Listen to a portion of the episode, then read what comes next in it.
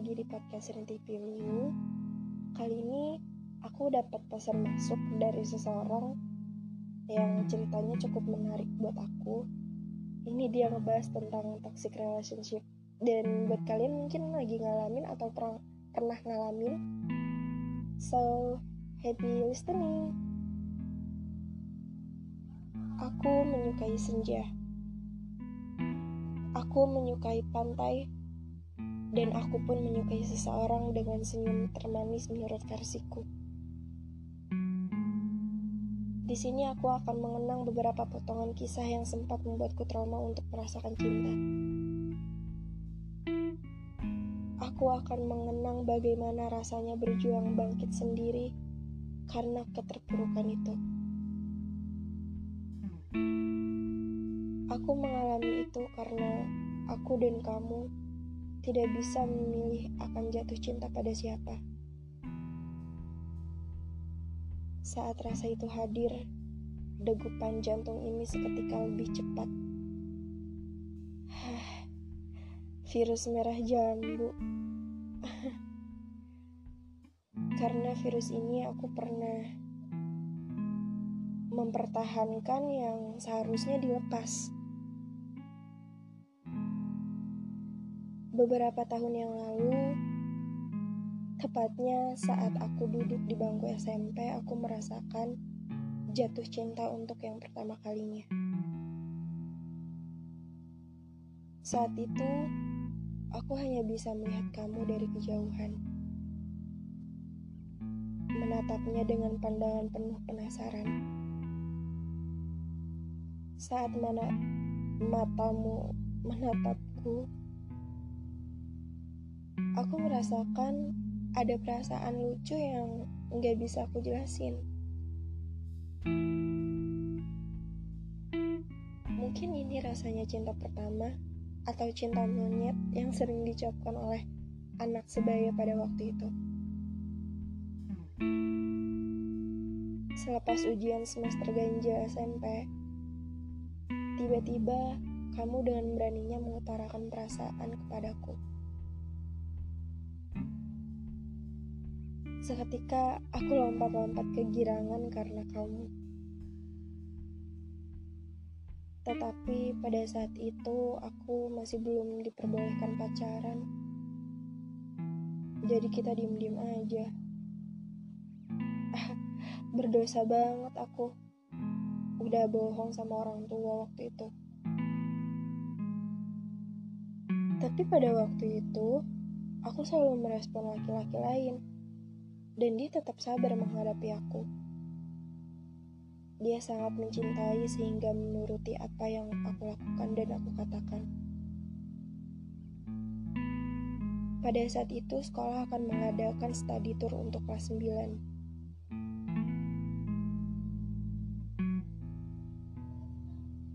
Dan pada saat itu, kebetulan kita berdua satu kelas tapi pada saat pembagian bis, kita terpisah karena pihak sekolah tidak mengizinkan siswa atau siswi satu bis. Keesokan malam, kita berangkat dan pada saat itu kita masih tetap berkomunikasi. Tetap teleponan meski ramai. Saat pada sampai tujuan, dia langsung menghampiri aku untuk keliling wisata dan kita berfoto-foto untuk kenangan. Beberapa saat kemudian, dia pergi dengan teman-temannya dan aku ditinggalkan oleh dia. Aku pun mencari teman-temanku pada saat itu. Hati aku merasa sedikit kesal karena ditinggalkan oleh dia. Beberapa saat dia menghampiri bus aku dan meminta maaf, tapi aku abaikan. Dan setelah itu pergi ke wisata selanjutnya dan besoknya pulang. Setiap hari kita berdua bertemu di sekolah. Tentunya rasanya pacaran satu sekolah, satu kelas. Eh, mantep. Tiap hari diperhatiin, dijagain dari cowok-cowok lain, beberapa bulan kemudian kita naik ke satu SMK pada saat itu. Hari demi hari telah berlalu, curiga, kesalahpahaman, masalah menerpa, tapi kamu selalu mengalah demi mempertahankan hubungan ini.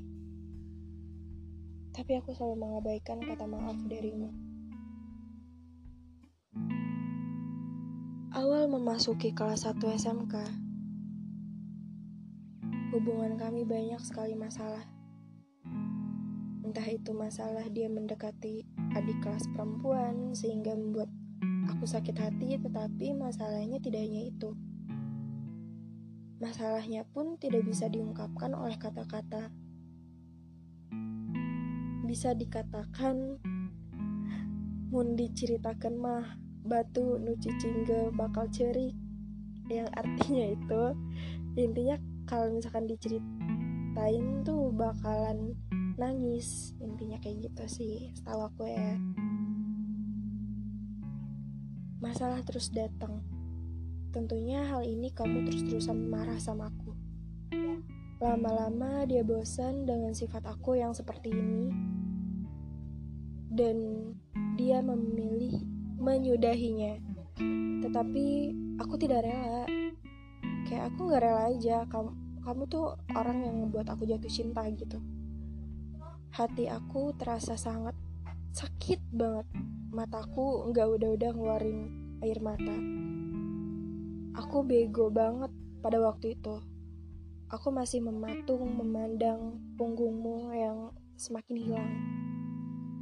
Aku peluk diriku sendiri dengan eratnya. Aku merasa ada yang benar-benar luka di dalam tubuh aku. Ada yang begitu memilukan di peluk mataku. Dengan sekuat hati, aku memaksakan untuk melangkah menjauh dari tempat itu. Dengan sekuat hati menutup kembali yang terkoyak ini. Aku cuma bisa pasrah.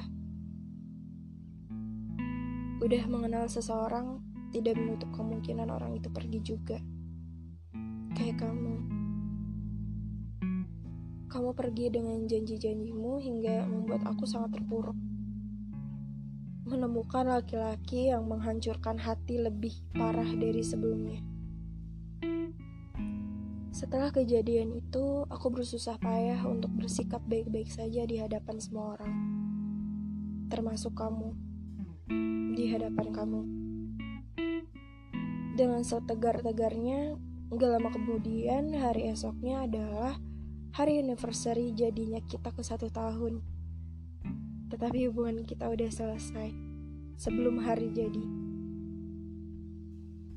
Enggak lama beberapa saat itu, dia kembali sama aku dan meminta hubungan seperti dulu. Dan ingin membangun hubungan ini dari nol. Dan aku menyetujui itu pada saat 19 Januari 2022. Kita kembali bersatu dan seterusnya sampai sekarang kita tetap bersama meski masalah datang dan sekarang aku akan mengerti posisi dia dan perasaan dia lebih jauh lagi dan mempertahankan hubungan ini. Dan untuk sekarang dan seterusnya, aku mohon tetaplah sama aku dalam keadaan apa pun dan jangan mencintai wanita selain aku Aku mohon, jangan tinggalin aku lagi. Karena aku udah terlanjur nyaman sama kamu. Dan terima kasih sudah mencintai aku. Kepergianmu membuat aku sadar bahwa sebuah hubungan akan sama-sama bertahan jika kedua pasangan tersebut bisa menahan egonya masing-masing. Tetaplah menetap meski kadang masalah besar datang, tetapi kita harus mampu melewatinya.